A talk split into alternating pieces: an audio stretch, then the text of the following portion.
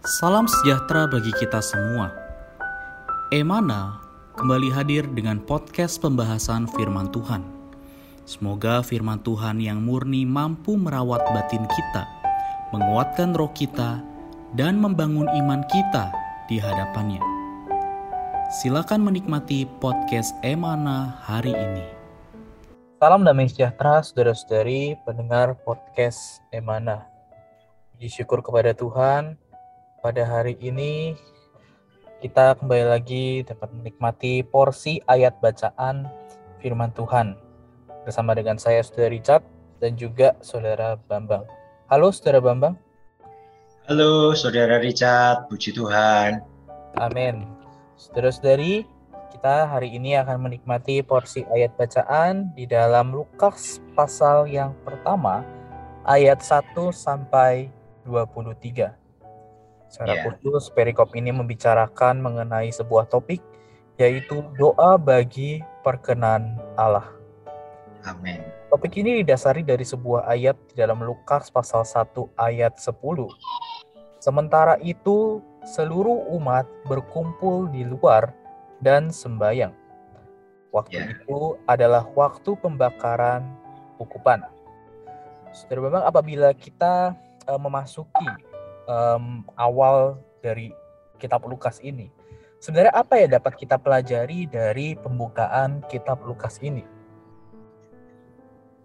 Baik, Saudara Richard, kita melihat di dalam kitab Lukas ini membahas satu kisah yang tidak sedetail, uh, tidak uh, sangat lengkap ya, terutama membahas tentang Yohanes Pembaptis kitab-kitab lain tidak sedetail ini. Ya. ya. Di pasal 1, terutama di ayat 5 ya, sampai ayat uh, eh, 13 ya. Nah, di ayat 13 terakhir, haruslah engkau menamai dia Yohanes. Ini membahas tentang kelahiran Yohanes Pembaptis. Nah, apa yang kita bisa pelajari dari pembukaan kitab Lukas ini? Amin. Kita bisa belajar perkara doa.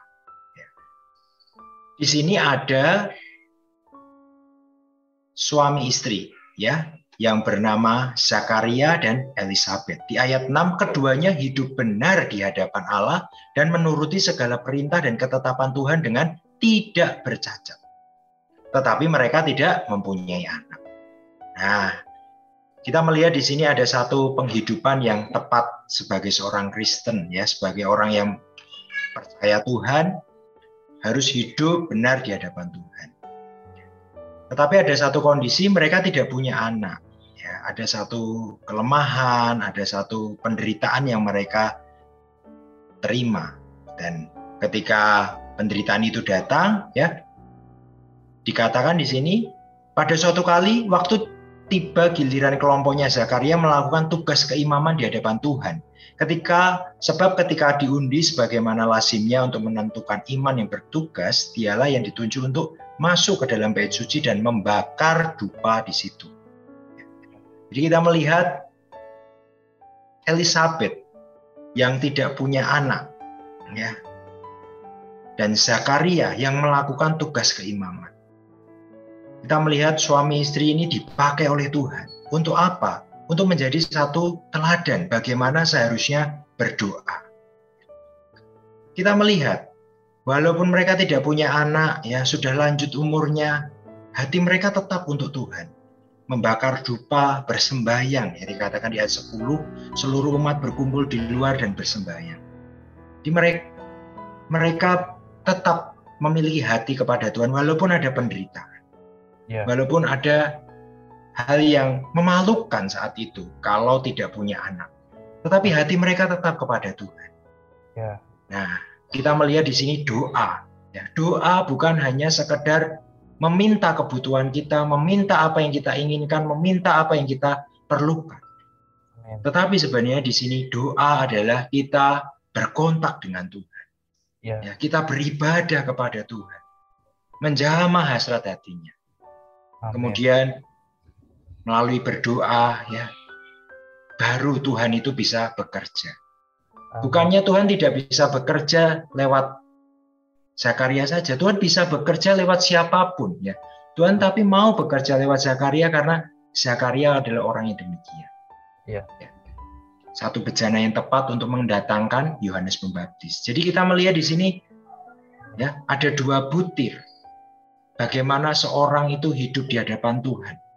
Hidup di hadapan Tuhan adalah mengesampingkan kebutuhannya, mengesampingkan keinginannya, dan baik-baik mengontak Tuhan. Amen. Jama Tuhan bersekutu dengan Tuhan.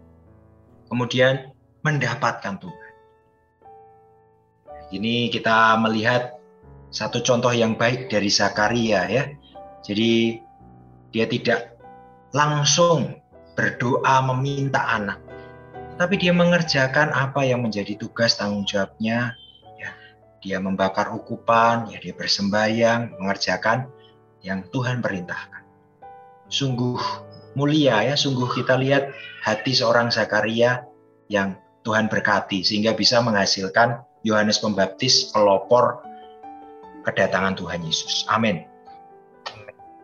Tuhan ya, sungguh uh, satu hal yang mustika apa yang dapat kita lihat ya dari pembukaan uh, kitab Lukas ini ya bagaimana ya kita dapat uh, melihat ya kehidupan seorang Kristen yang selayaknya adalah uh, kehidupan yang berdoa ya sehingga kita dapat ya. menjamah hasrat hati Allah dan juga Amen. dapat kerjasama dengan Allah menggenapkan kehendaknya. Ya, kemudian ya, ya. di dalam pasal satu ini kita melihat ya mengenai uh, doa dari uh, Zakaria Bagaimana yeah. pendapat doa Zakaria ini dalam kehidupan kita? Ya, sangat menarik, Saudara Richard ya. Dikatakan di ayat 13, tetapi malaikat itu berkata kepadanya, jangan takut, hai Zakaria, sebab doamu telah dikabulkan. Ya. Kita melihat di atas tidak ada doa Zakaria yang meminta anak. Kita tahu bahwa Zakaria dan Elizabeth tidak ada anak, sudah lanjut usia dan dia terus berdoa, bersembayang, tetapi untuk apa? Untuk mengerjakan tugas imamnya. Amin. Nah, ini sangat baik. Penerapan doa Zakaria perlu kita terapkan dalam kehidupan kita. Tuhan kita itu Tuhan yang tahu apa yang kita butuhkan. Kita tidak perlu meminta, Tuhan itu tahu. Ya, asal kita hidup benar di hadapan Dia. Dan sangat penting di sini, Saudara Richard, bahwa Allah membutuhkan kerjasama manusia. Siapa yang mau mengenal kehendak Tuhan? Siapa yang mau berdoa bagi terlaksananya pekerjaan Tuhan? Kalau Zakaria meminta anak, tetapi anak itu tidak menjadi jalan untuk Tuhan bekerja, untuk apa mempunyai anak? Karena itu di sini kita melihat bahwa Tuhan membutuhkan kerjasama manusia. Sangat mulia. Ya, siapa kita manusia sampai mendapat apa kehormatan bisa bekerja sama dengan Allah. Inilah doa. Doa adalah kita merespon keperluan Tuhan. Tuhan membutuhkan orang dan melalui doa kita bekerja sama dengan apa yang Tuhan mau kerjakan.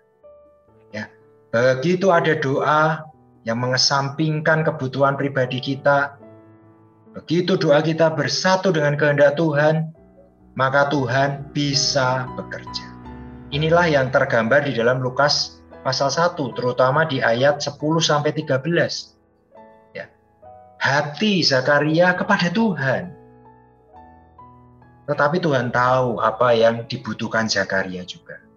Dan Tuhan pakai apa yang dibutuhkan Zakaria itu, yaitu anak laki-laki, ya, untuk merampungkan kehendak Tuhan juga.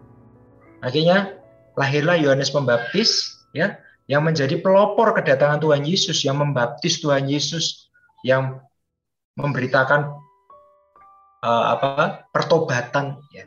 Nah, inilah kerjasama manusia, doa manusia menjadi jalan bagi Tuhan. Dan kita lihat di Wahyu 5 ayat 8, juga Wahyu 8 ayat 3 sampai 4, di sana ada doa-doa orang kudus yang nantinya merampungkan zaman ini. doa-doa orang kudus itu seperti pedupaan ya, apa seperti uh, satu bau-bau yang harum yang naik ke atas. Ya. Dan melalui doa orang-orang kudus ini Allah bekerja. Di kitab Wahyu kita melihat semua pekerjaan Tuhan karena ada doa orang-orang kudus. Amin. Sekarang pertanyaannya, siapa yang mau bekerja sama dengan Allah melalui berdoa? Demikian, Saudara Richard. Amin. Amin. Ya, puji Tuhan, saudara-saudari. Ya, semoga Amen. kita dapat um, sama-sama menikmati belajar bagaimana perkara yang mengenai doa bagi perkenan Allah. Sehingga dengan doa-doa kita dapat menjadi doa yang bekerja sama dengan Allah dan menggenapkan yeah. tujuan Allah di bumi hari ini.